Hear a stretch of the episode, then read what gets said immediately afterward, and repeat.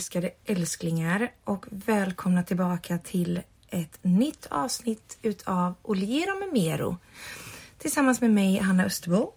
Den här podden är en liten lugn, oklippt dagbok där jag delar med mig av saker som händer i mitt liv.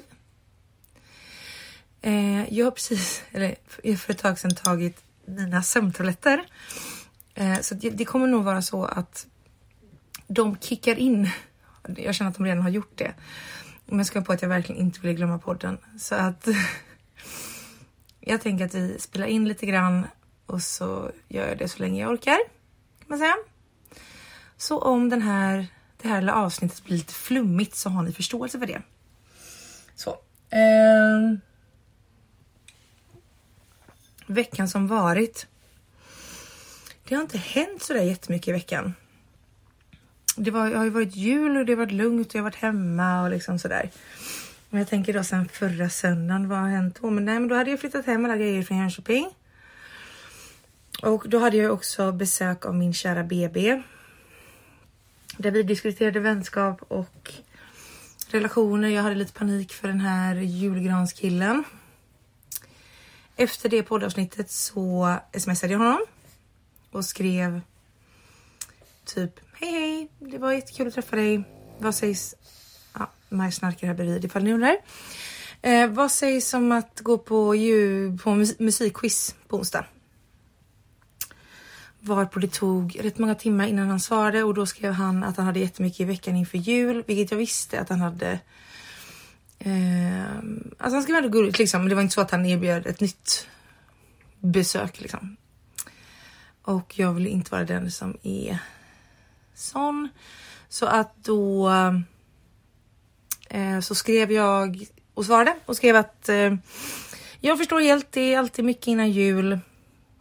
Hör av dig när det har lugnat sig eller om ja, något sånt. Och på det har han inte svarat. Mm -hmm. Så att eh, nej, det, det blir nog ingen dejt där. Han kanske bara har jättemycket och hör av sig några veckor. Det hade varit kul. Men eh, jag kommer inte fråga igen liksom. Det... Nej. Eh, jag brukar vara rätt krass med mig själv där. Alltså.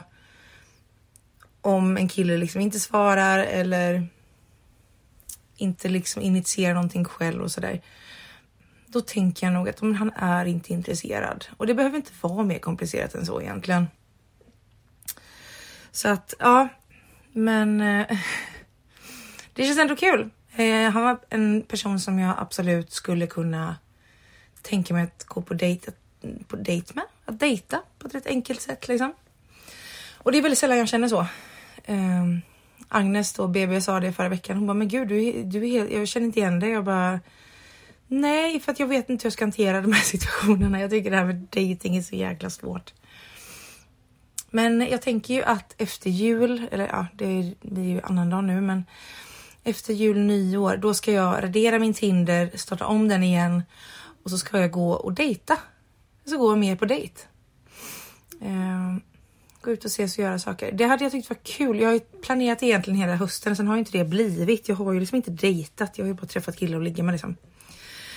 Och det hade varit kul att gå ut på lite, ja men så här. Att ses och prata om livet och känna någon kemi innan man kanske ligger då. Man kanske inte behöver göra det innan man vet vad personen heter, typ.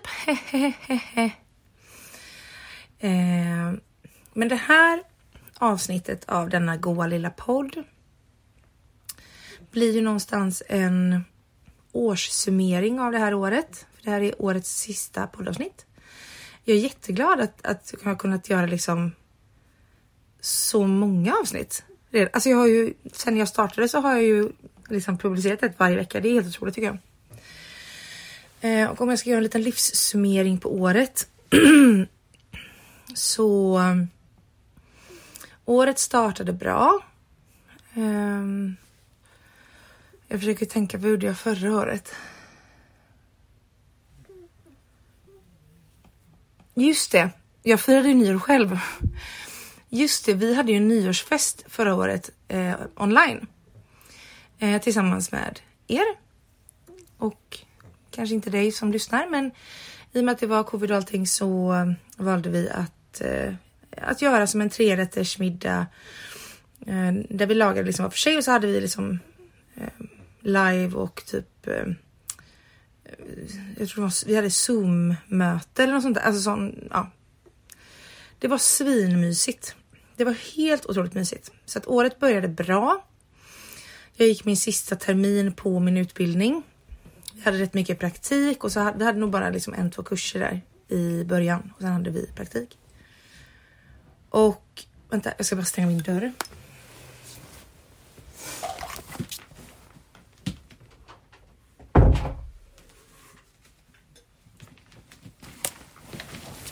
Så. Så att året började väldigt bra. Eh, det var också så att jag skaffade ju ÖK då. Nej, gud nu blandar jag ihop dem. Jag skaffade ju CK precis innan jul. Och han träffades jag med väldigt mycket fram tills att jag flyttade till Jönköping i maj. Um, och sen uh, har vi träffats lite grann efter det också. Men nu har han ju skaffat tjej så nu träffas vi inte mer. Mm, men han träffade jag mycket under våren. Jätte, jättefin. Sen så hände ju en händelse för mig den sista januari som var. Det var nog enskilt den värsta händelsen som jag varit med om. Liksom. Jag eh, var hemma hos min kompis i Kungsbacka och tog en taxi hem. Var väldigt full. Eh, och den taxichauffören som körde mig eh, utnyttjade det. Jag anmälde detta sen och då beskrev jag ju allting som hände och de definierade det som en våldtäkt. Eh, jag förträngde det här väldigt mycket. Maj! En sekund. Ut med dig.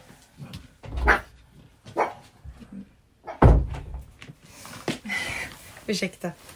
Det här är ju för och nackdel med att ha en podd där man inte klipper. Det blir ju såna här små bryts. Även om jag inte tycker att vi har haft så många sådana, men ja. Eh, nej, men han valde att utnyttja mig. Han valde att eh, våldta mig helt enkelt. Och jag förträngde det här väldigt mycket fram tills att jag typ tre veckor senare eller något sånt där.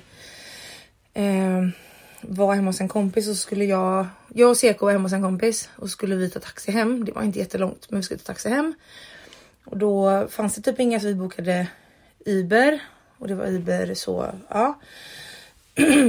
och då kommer den här, nej vi bokade Bolt. och då kommer den här taxichauffören men han kör liksom bara vidare när han ser att vi har Maj med oss för att han vill inte köra hundar. Och nu för tiden kan man ju boka hundtaxi, men man kunde inte det då. Så att eh, han, han åker iväg och sen får vi en straffavgift på 75 kronor, vilket jag tycker är så konstigt. Så vi bokar en ny taxi och vi får den och åker hem. Och då tänker jag, jag bara, men det här måste jag undersöka. Jag måste, eh, vad säger man? Eh, bestrida. Mm. Så på morgonen då när jag och Seko vaknar så tog jag upp min telefon och så började jag tänka att jag minns inte riktigt vilken taxibolag det var vi hade. Så då går jag in på Uber först. Och det var inte Uber vi hade bokat med för att det som händer då när jag tar upp min Uber app. Eh, det är att eh, det kommer upp att jag behöver recensera min senaste resa med Uber och då får jag se en bild och skriva en kommentar på min liksom kring min våldtäktsresa. Eh, och jag hade liksom inte tänkt så mycket på den sen det hände utan jag hade bara förträngt det. Ehm, men då och då kände jag väl att jag vill ändå skriva att det var inte en så trevlig resa liksom. Så då skrev jag väldigt tidigt på morgonen liksom att så här, att jag skrev typ väldigt så här diffus, eller inte diffus, men inte så detaljerat. Jag skrev typ han tog på mig eh, på ett sätt som inte var okej. Okay. Ja, och gav det en stjärna. Sen typ kanske en halvtimme senare. Då ringer Uber mig. Då är det en sån här engelskspråkig liksom, nisse som bara Hej, vi har sett ditt, ditt, din recension och vi måste verkligen prata med dig vad det är som har hänt det här, för det här tar vi på jättestort allvar. Och jag får ju panik för att Seko ligger där i sängen bredvid mig och han vet ju ingenting. Så att jag bara oj, ja, eh, kan ni ringa sen? Kan ni ringa ikväll typ? Han bara visst, absolut. Sen ringer de på kvällen och det här är också just det. Det här är i samband med att jag skriver mitt examensarbete och då hade jag jättemycket hjälp från min kompis Sara. Och vi har pratat nästan varje dag och liksom har långa face, för hon har skrivit så mycket examen. Hon är så duktig liksom. Eh, så vi skulle höras där på kvällen. Eh, men då i alla fall så ringer Uber mig innan och det som är blir liksom blir då. Det är att det är första gången som jag berättar det. Tre veckor senare. Jag hade i och för sig sagt till en kompis dagen efter det hände att obehör, eh, äh, att äh, taxichauffören var obehaglig. Men sen pratade vi liksom inte mer om det, utan det var liksom, det, var det, var det hon visste. ehm, och då berättade jag liksom allting för Iber och de var så gulliga och var verkligen så här. Tog det på så stort allvar. Och jag var ju med så här bara att. Det var jätte, jättejobbigt att få prata om det för första gången i sitt liv. Eh, eller första gången i sitt liv, men första gången sen det hände. Det var fruktansvärt jobbigt. Um, men det var fortfarande ingen av mina vänner som visste. Det som hände sen var att eh, eh, sen har jag då en, en Skype session med eh, Sara. Och hon typ ser direkt, hon bara vad är det? Vad har hänt? Så här. Och jag bara, eh, eh, nej men. Eh, och då typ började jag berätta om det. Eh, och att jag har anmält. Och hon blir ju så i chock typ. Att hon är så här. Förstår du vad det är du har varit med om typ? Men det som var väldigt tydligt var att jag ville liksom inte prata om det för att det här var också. Jag tror det var tre eller fyra dagar innan jag skulle lämna in mitt examensarbete. Alltså jag hade så, så otroligt mycket de här sista dagarna så jag kände bara jag kan inte bryta ihop nu. Jag får göra det på tisdag, onsdag eller någonting när jag har lämnat in min, eh, mitt examensarbete. Och Sara förstod det. Hon ville verkligen få mig att prata. Men jag var helt stängd. Jag bara, jag vill inte prata om det. Och hon bara, okej, okay, då, då, finns det inget mer att säga liksom. Ehm, och det som hände sen var ju liksom att hon frågade mig ifall jag ville anmäla det och jag bara, men jag orkar inte gå igenom det för det kommer väl aldrig leda till någonting typ. Men eh, när hon sa det så är det klart att det väcktes någonting i mig att jag skulle kunna anmäla det. Ehm, men jag tänkte nog ändå att jag inte skulle göra det för jag vill liksom inte göra en big deal av det på något sätt. Men när jag pratade med Uber, när de ringde så var de jätte, alltså de var så fina verkligen och verkligen så här. Du får, vi tar det här på så stort allvar. De sa att de skulle göra en internutredning. De gav mig ett direktnummer till någon ifall polisen ville ha det om jag skulle anmäla de var verkligen helt otroliga. Um, och hanterade detta på det absolut bästa sättet. Uh, sen så typ efter detta så var, jag var jättefokuserad på mitt examensarbete så det var liksom bara det jag ville bli klar med. Men så som jag minns var det så att de betalade tillbaka min eh, resa. Så jag skulle gå in på någonting, jag, vet, jag var inne på IB på något sätt och då ser jag att de har satt in, nej jag gick in på min bank och så ser jag att de har satt in de 400 spännen eller vad det var eh, som resan hade kostat. Och då tänkte jag, först tänkte jag att aha, de gör så här för att de ska kunna ta bort min recension. Och det vet jag inte om de gjorde, men, men det som jag tyckte var så jobbigt med det, att de satte in de pengarna var så här. För då blev min tanke, men vadå tror ni att jag gör det här för att jag vill ha tillbaka resan? Alltså, de 400 kronor betyder inte ett piss för mig. Jag hade kunnat betala 2000 spänn för att åka en resa utan att bli våldtagen. Alltså förstår ni? Det var, jag tyckte det var jättejobbigt att de betalade tillbaka och det sa de aldrig vad jag minns. Ehm, och de pengarna blev liksom blodspengar på ett sätt som jag bara kände att jag vill inte se dem liksom. Ehm, sen klarade jag mig vidare ehm, i några dagar. Jag förstår inte hur jag överlevde. Jag sov typ ingenting. Jag drack alkohol i princip dygnet runt. Ehm, för att bara döva. Jag ville bara inte tänka på det. Jag ville bara, bara, bara skriva klart min, mitt examensarbete. Ehm, och kunde jag få det gjort så, så kände jag liksom att ehm, då kunde jag släppa typ. Så att jag skickade in mitt examensarbete på måndagen eller tisdagen.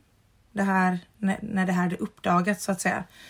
När IB hade ringt var på en söndag och sen på måndag eller tisdagen så skickade jag in mitt examensarbete. Och när jag hade skickat in det, nej, eh, samma dag som jag skulle skicka in det här så berättade jag för mamma som blev ju så ledsen och arg på min, för min skull på något sätt. Eh, och eh, ja. Men så sa jag att jag kan inte prata om det här nu för att jag ska lämna in, in mitt examensarbete inom ett dygn. Typ. Jag måste fokusera på det. Vilket jag gjorde. Satt upp hela natten. Blev klar som tur var. Ehm. Och Sara var så fantastisk. Hon hjälpte mig under hela processen och framförallt så hjälpte hon mig att bara hon frågade, men hon var inte pushig och det var så fruktansvärt skönt. Sedan så... Ehm, jag tror att det var så att jag ringde till polisen på onsdagen eller något. För då kände jag att jag, alltså jag klarade inte av någonting. Jag var så ledsen och jag var så, kände mig så äcklig och smutsig och trasig och Alltså det var som att jag bara hamnade så långt ner i det djupaste av hål på bara de dagarna där det hade uppdagat sig. De här tre veckorna sen det hände, det, då låtsades jag som ingenting och då tänkte jag inte på det. det. Jag tänkte verkligen inte på det. Men sen när det liksom kom ikapp mig och jag tog upp det och alltså jag fruktansvärt. och då kände jag någonstans att enda sättet för mig nog att kunna både öppna och stänga den dörren är nog för mig att, att anmäla. Och så blev jag också så arg på mig själv för att jag vill ju att alla kvinnor ska anmäla. Det är hur viktigt som helst liksom. Um, även ifall det är så många som inte leder till någonting, vilket kan göra mig så jävla ledsen, så tror jag det är så bra att anmäla för sin egen skull. Och det var det. Från att jag ringde det första samtalet till liksom 114 14 för att anmäla ett brott. Så har poliserna varit helt fantastiska. Jag har i princip bara pratat med kvinnliga poliser och alla som tog emot, eller liksom hon som tog emot mitt ärende och sen fick jag prata vidare med någon. Eh, sen hade, var det två olika poliser som jobbade med ärendet. De var så fina. Alltså de var så, så, så fina. De var så respektfulla. De var jag kände mig aldrig ifrågasatt att det hade hänt och det var så skönt. Eh, jag fick ett målsägande beträde som skulle liksom hjälpa mig. Det är väl som en form av liksom advokat som ska se till så att jag får den bästa rättsliga processen på något sätt. Sen var jag, allting gick rätt fort där sen. För sen var jag på förhör på polis, polishuset. Och det spelades in och jag var tvungen att berätta allting som hade hänt. Ehm, och det, de gjorde ändå det på ett väldigt respektfullt sätt. Det var väldigt fint. Fint, men alltså ni fattar, det var... Jag kände mig trodd.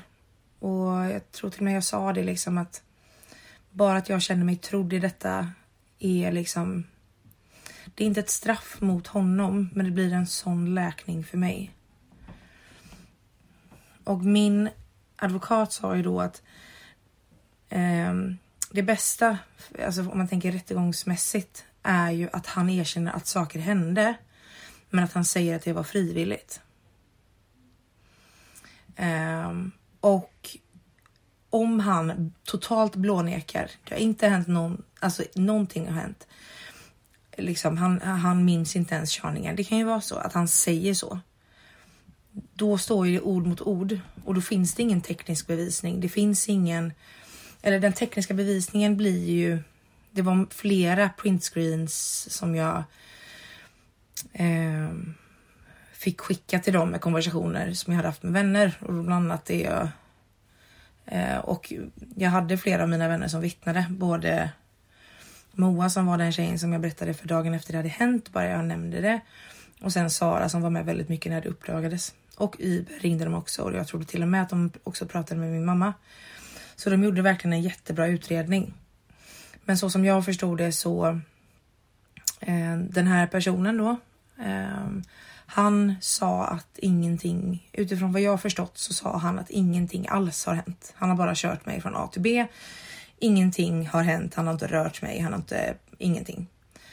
Um, och det är klart att det gjorde mig ledsen för att det var så långt ifrån sanningen och att jag minns så väl hur jag tänkte under resan.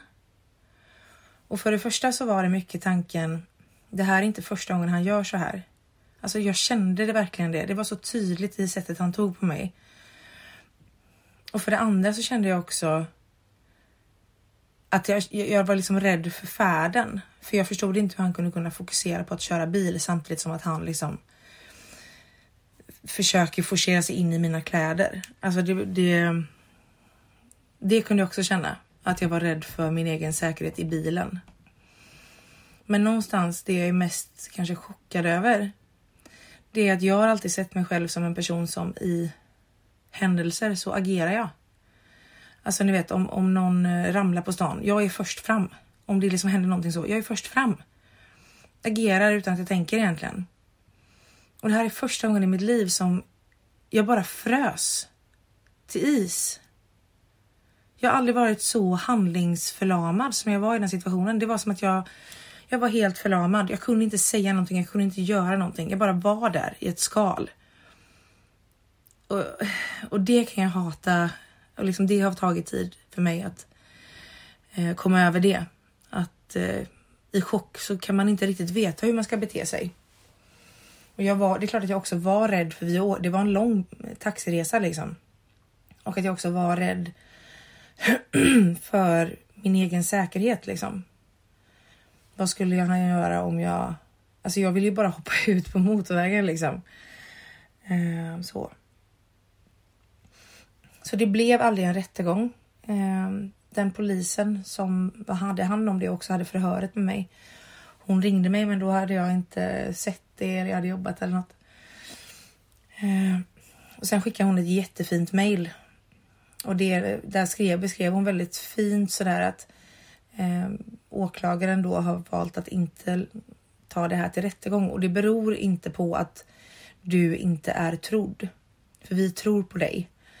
Men för att det ska komma till ett åtal så vill man att det ska hamna i en fällande dom. Och då behövs det starkare bevisning än den som finns. För det blir lite ord mot ord och om han då säger att ingenting överhuvudtaget har hänt. Nej, det är rätt svårt att eh, bevisa att det har det. Även om jag inte förstår varför jag skulle vilja gå igenom det här om det inte var sant. Det förstår jag inte. Så det här blev en väldigt jobbig start på året. Um, och det som hände sen var att jag påbörjade min ADHD-utredning. Jag tror det var i mars kanske, april, mars. Um, I Stockholm. Och var väl rätt liksom skör. Jag började på den här praktikplatsen som jag hade under våren. Den började jag på veckan efter jag hade kommit ut med att jag hade blivit våldtagen. Och den var i Jönköping. Och den blev också en sån fristad för då kunde jag åka till Jönköping och i Jönköping kände jag mig trygg. För när jag var i Göteborg, alltså vi tog ofta taxi jag och mina vänner och jag kunde inte göra det. Jag kände mig så begränsad, jag kände mig rädd, jag kände mig iakttagen på ett sätt som jag aldrig har gjort någonsin annars. Det kändes som att, jag menar, han körde mig ju hem, han visste var jag bodde. Skulle han göra någonting nu när jag anmält honom? Alltså ni vet. Och känna sig så rädd, det... Jag hade aldrig upplevt det innan. Alltså så. Visst, jag kan vara rädd att gå hem på kvällen och sådär, men det här misstänksamheten, den var fruktansvärd. Så att då började jag känna mer och mer att jag måste flytta till Jönköping. Jag vill bara bo där. Jag vill bara bort från Göteborg. Jag, vill bara, jag bara hatar Göteborg så mycket. Så i början av min praktik så bodde jag hos en kompis eh, några dagar i veckan. Och sen så var jag hemma och så hade jag liksom praktiken på distans. Men sen beslutade jag mig för att flytta till Jönköping. Men då tänkte jag det blir nog efter sommaren. Men så mejlade jag till min gamla hyresvärd och han hade då av en slump bara fått in en lägenhet och jag har ju bott hos honom innan då när jag bodde i Jönköping 2014 15. Så då frågade han om jag vill ha den. Och det ville jag ju såklart. så då tackade jag ja till den, vilket var... Oh, den var så fin, den var så fin! Nej men alltså... Tot, tot, tot. Älskade den lägenheten så mycket.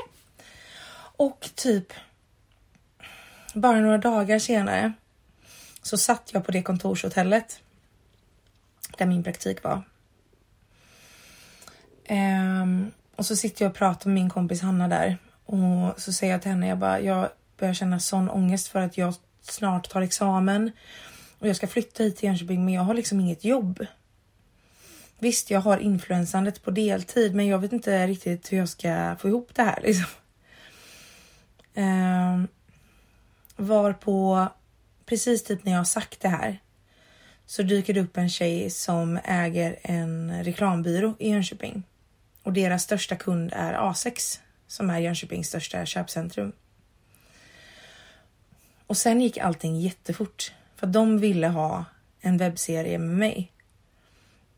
Och det har ju varit det roligaste jag någonsin har gjort. Den roligaste sommaren jag någonsin har haft och det har varit så roligt att få spela in, fått en mycket större kunskap och fördjupning inom film, eh, filmningstekniker och producering, manus. Alltså det har varit så roligt. Så att första maj då flyttade jag till Jönköping och sedan började jag kanske mitten, slutet på maj spela in min serie Hanna hittar hem. Den finns på Youtube än idag. Hanna hittar hem heter den. Den är otroligt mysig skulle jag säga. Jag tycker verkligen att den är så mysig. Eh, den är en riktig sådär feel good sommarserie. Min pappa tyckte ju att eh, Jönköpings typ kommun eller region borde ju verkligen uppmärksamma denna serie. Så bra den är. Nej men den är, den är väldigt mysig. Visst, den är en den är ju sponsrad eh, för, av A6 och för att marknadsföra A6 mycket. Jag tycker att jag fick mycket frihet att faktiskt göra andra saker också och det var otroligt roligt. Så det är verkligen en sommar jag aldrig kommer glömma. Eh, det här blir som en årsresumé heter det Ja, eh, renommé. En, nej men en årsresumé. Eh, och sen då så var i slutet på maj så fick jag min ADHD-diagnos. Och först när jag fick den så tänkte jag att men det är väl ingen fara. Eller vad skönt att skicka det på papper typ. Eller så här, för jag tror att jag fick ett mail om att jag fick det. Eller han ringde mig och sa att jag fick det. Eh, ja, men det är väl ingenting. Och sen gick sommaren rätt bra. Men jag kände hur det började bli mer och mer kaos. Jag höll ihop väldigt mycket för serien och för att få den bra.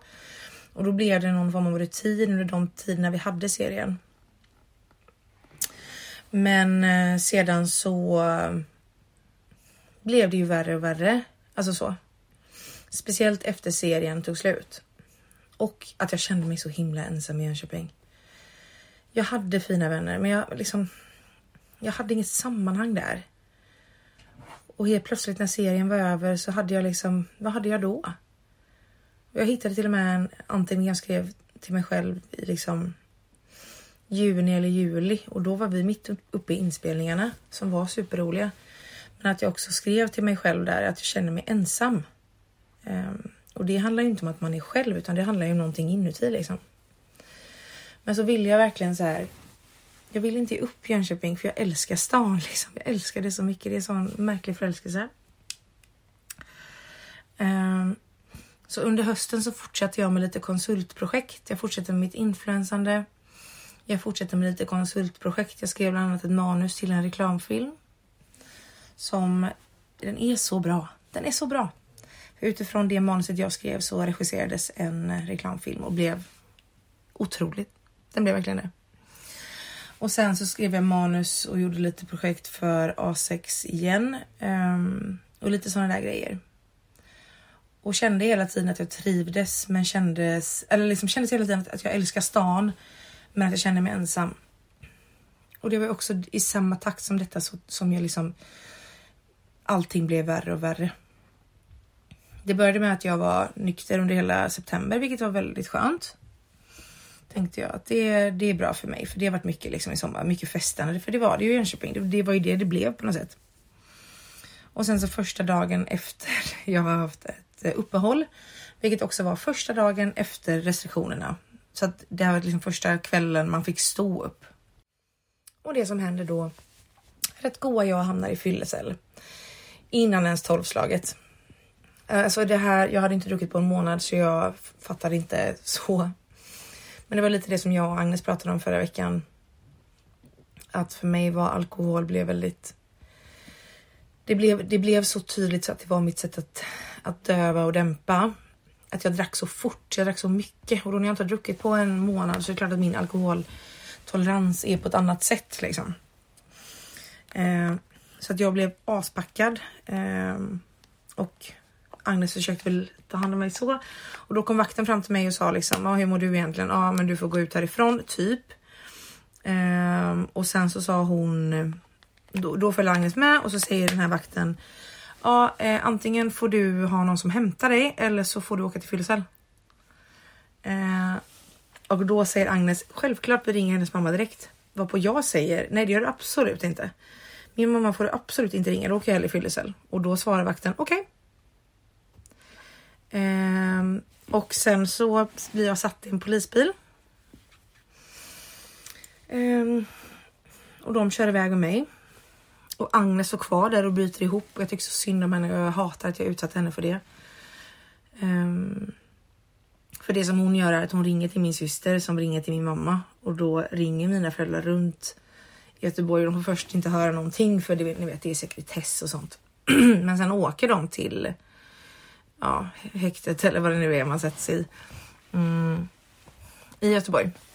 Och så, alltså jag, jag var bara där inne, tror jag i typ en timme kanske. För sen hämtade de mig. Men det var fruktansvärt. Jag, skämde, alltså jag hade skämt så mycket i hela mitt liv. Jag skämde så mycket för att jag var där. Jag skämde så mycket för att jag tog upp tiden på de här poliserna. Att jag var en sån som liksom inte kunde sköta mig. Um, alltså jag skämde så mycket så att jag aldrig skämt så mycket. Och sen då när de, och, och liksom, man sitter som i ett rum som är liksom, ja, det är väl inte värderat, men det ligger liksom en galonmadrass på golvet. Jag tror det är det du har. Jag tror inte att du har toalett och så, utan du har liksom så. Och jag satt liksom i motsatt hörn ihopkrupen till en liten boll för att jag bara ville försvinna. Alltså jag ville verkligen försvinna. Det var fruktansvärt. Eh, och sen så kommer det in en tjej och säger, och jag bad om ursäkt till alla som jobbade där hundra gånger för att jag skämde så mycket. Sen kommer det in en tjej och säger, men din mamma är här nu. Och jag trodde jag skulle dö. Alltså jag skämde så mycket så jag visste inte vad jag skulle ta vägen.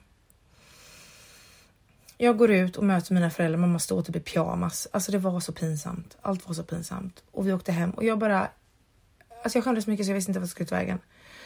Och den skammen var ju kvar länge efteråt. Och det gjorde ju också min mamma jätteorolig. Hur hände det här? Va? Vad håller du på med liksom?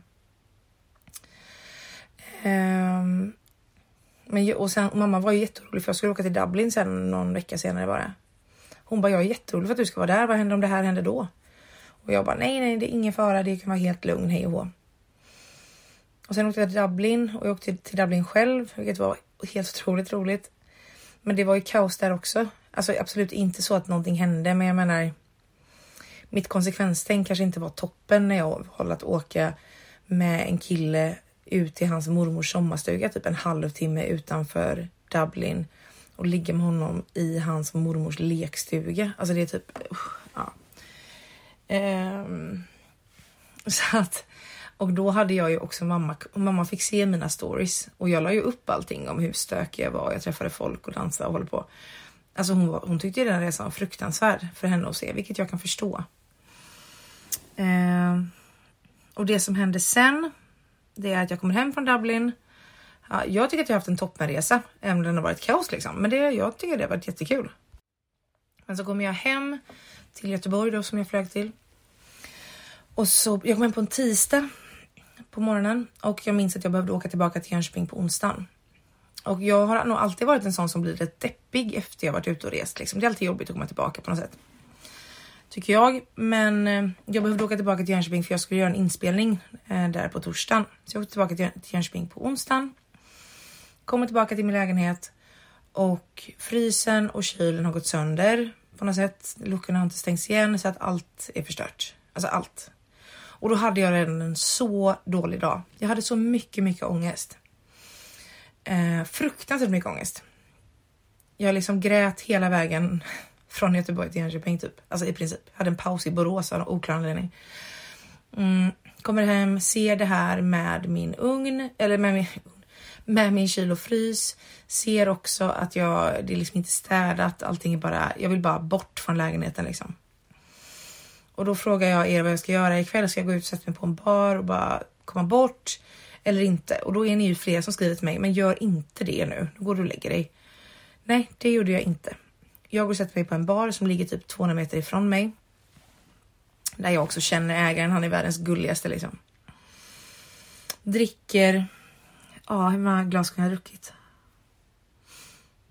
Tre kanske. Jag, jag tror att jag har sagt två.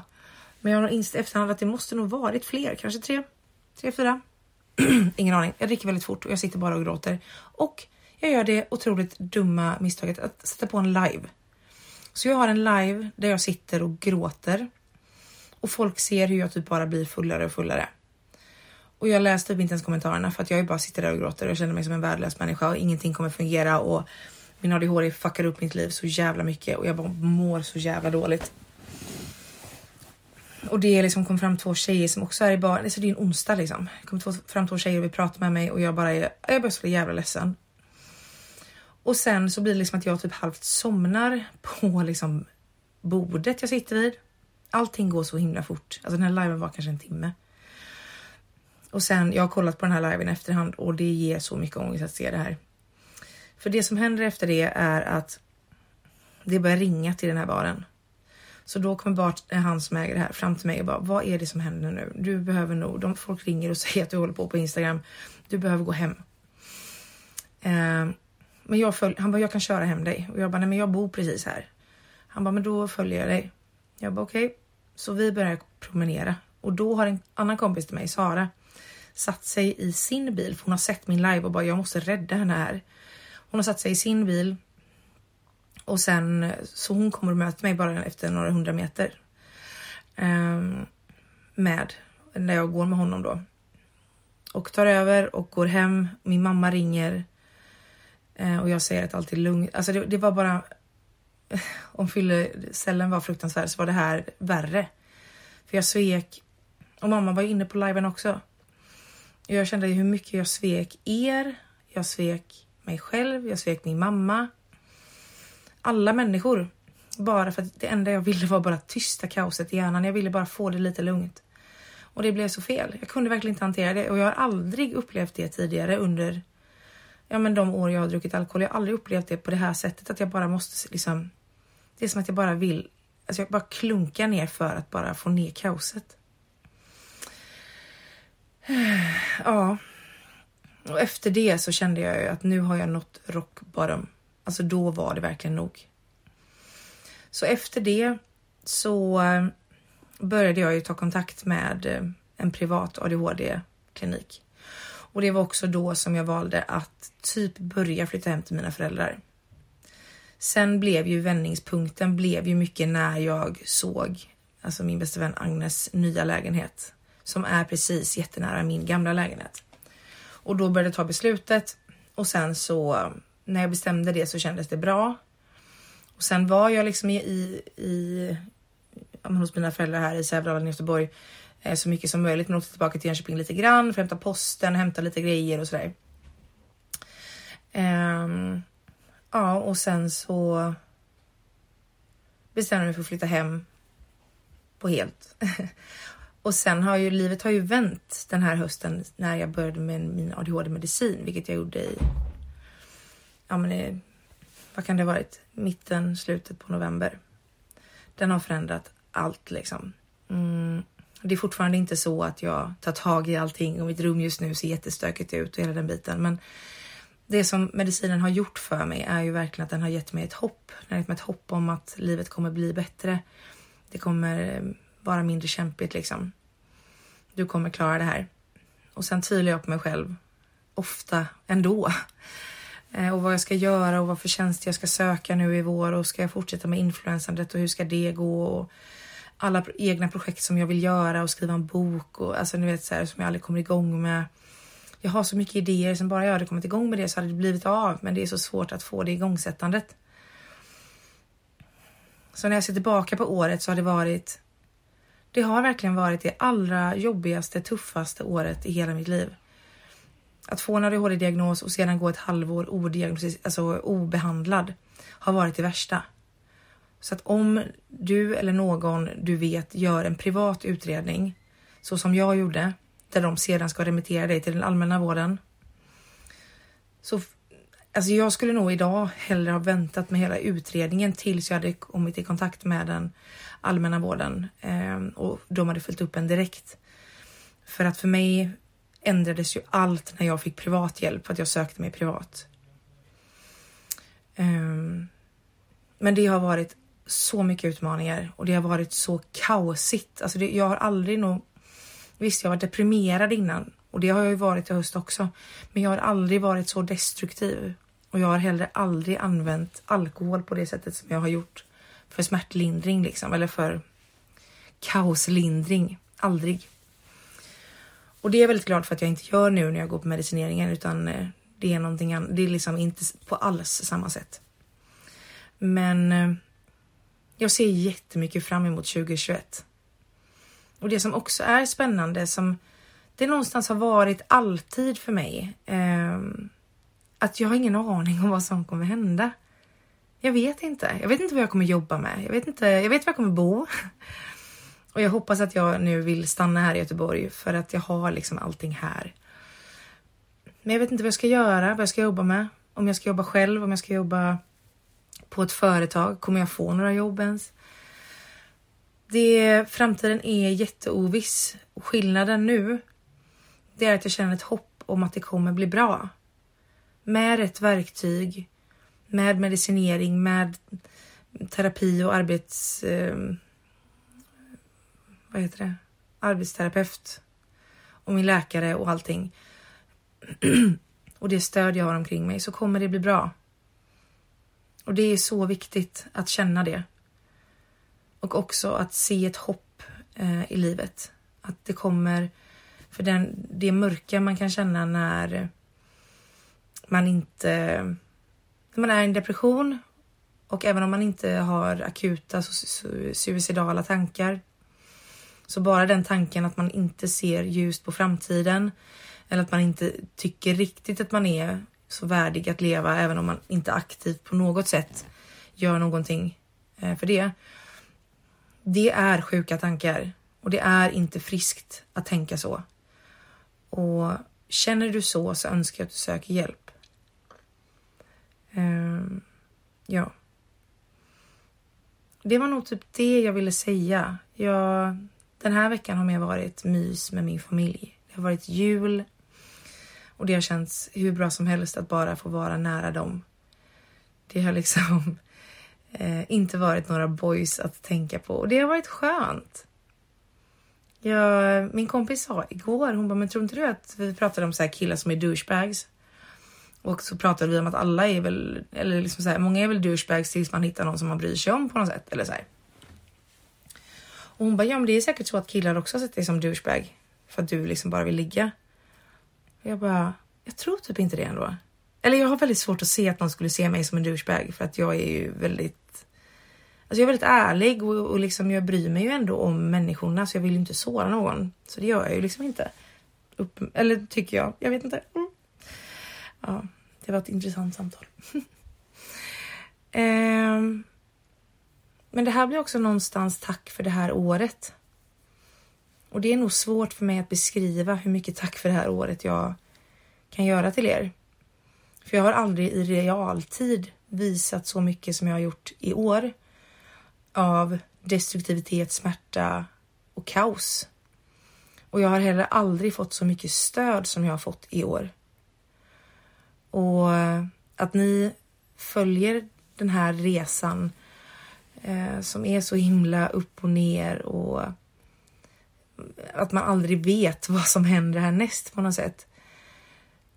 Jag vet inte hur jag hade klarat det här utan er. För ni har ändå sett mig och ni har plockat upp mig och ni har stått kvar och trott och kommit med, med liksom råd om, eh, om livet och det betyder så, så, så mycket. Jag, jag, kan ibland, jag tror att jag har sagt det innan, att känna så här när influencers pratar om att de är, de är tacksamma för sina följare så känner jag bara så här. Ja, fast ni vet inte hur vi har det. Eller så. Men och det är väl bara goa egoistiska tankar. Men, men alltså helt ärligt, det här forumet har räddat mitt liv i år skulle jag säga. Och inte bara en gång. Och det är så häftigt att man kan få känna den typen av värme, gemenskap och vänskap. Så som, så som jag känner till er eh, och som vi har stunder vi har delat tillsammans. Det är jag så tacksam för. Så, så tack jättemycket för att du har varit med mig det här året, även om du kom hit igår eller har varit med hela året och längre, längre än så. Men det är, det är jättevackert. Så tack för den vänskapen. Och jag, jag ser fram emot att börja nästa år, även det tillsammans med er. Så som jag har gjort nu senaste, ja vad blir det, åtta, nio åren liksom. Ehm, jag längtar tills vi hörs nästa gång. Vi kommer ju höras på sociala medier såklart, på Instagram. Men eh, nästa vecka är ju då nyår. Eller ja, ja men precis. Och eh, det ska bli kul. Jag ska spendera min nyår genom att åka till en av mina bästa, bästa vänner i Falkenberg och fira där med ett litet gäng. Det ska bli jätte, jätte, jätteroligt. Eh, det ska det verkligen. Det ska också bli väldigt intressant för en kille där har jag typ legat med. Um, minns inte riktigt, alltså det var i somras någon gång så att ja, äh, det är nog lugnt. Men eh, det ska bli jättekul. Det ska det verkligen. Så att från mig till dig. God fortsättning och ett jätte, jättegott nytt år. Ta hand om dig. Vårda ditt hjärta. Jag hoppas verkligen att de sista dagarna på det här året blir precis så som du önskar. Glöm aldrig hur viktiga ni är för mig. Tack att ni finns. Puss puss!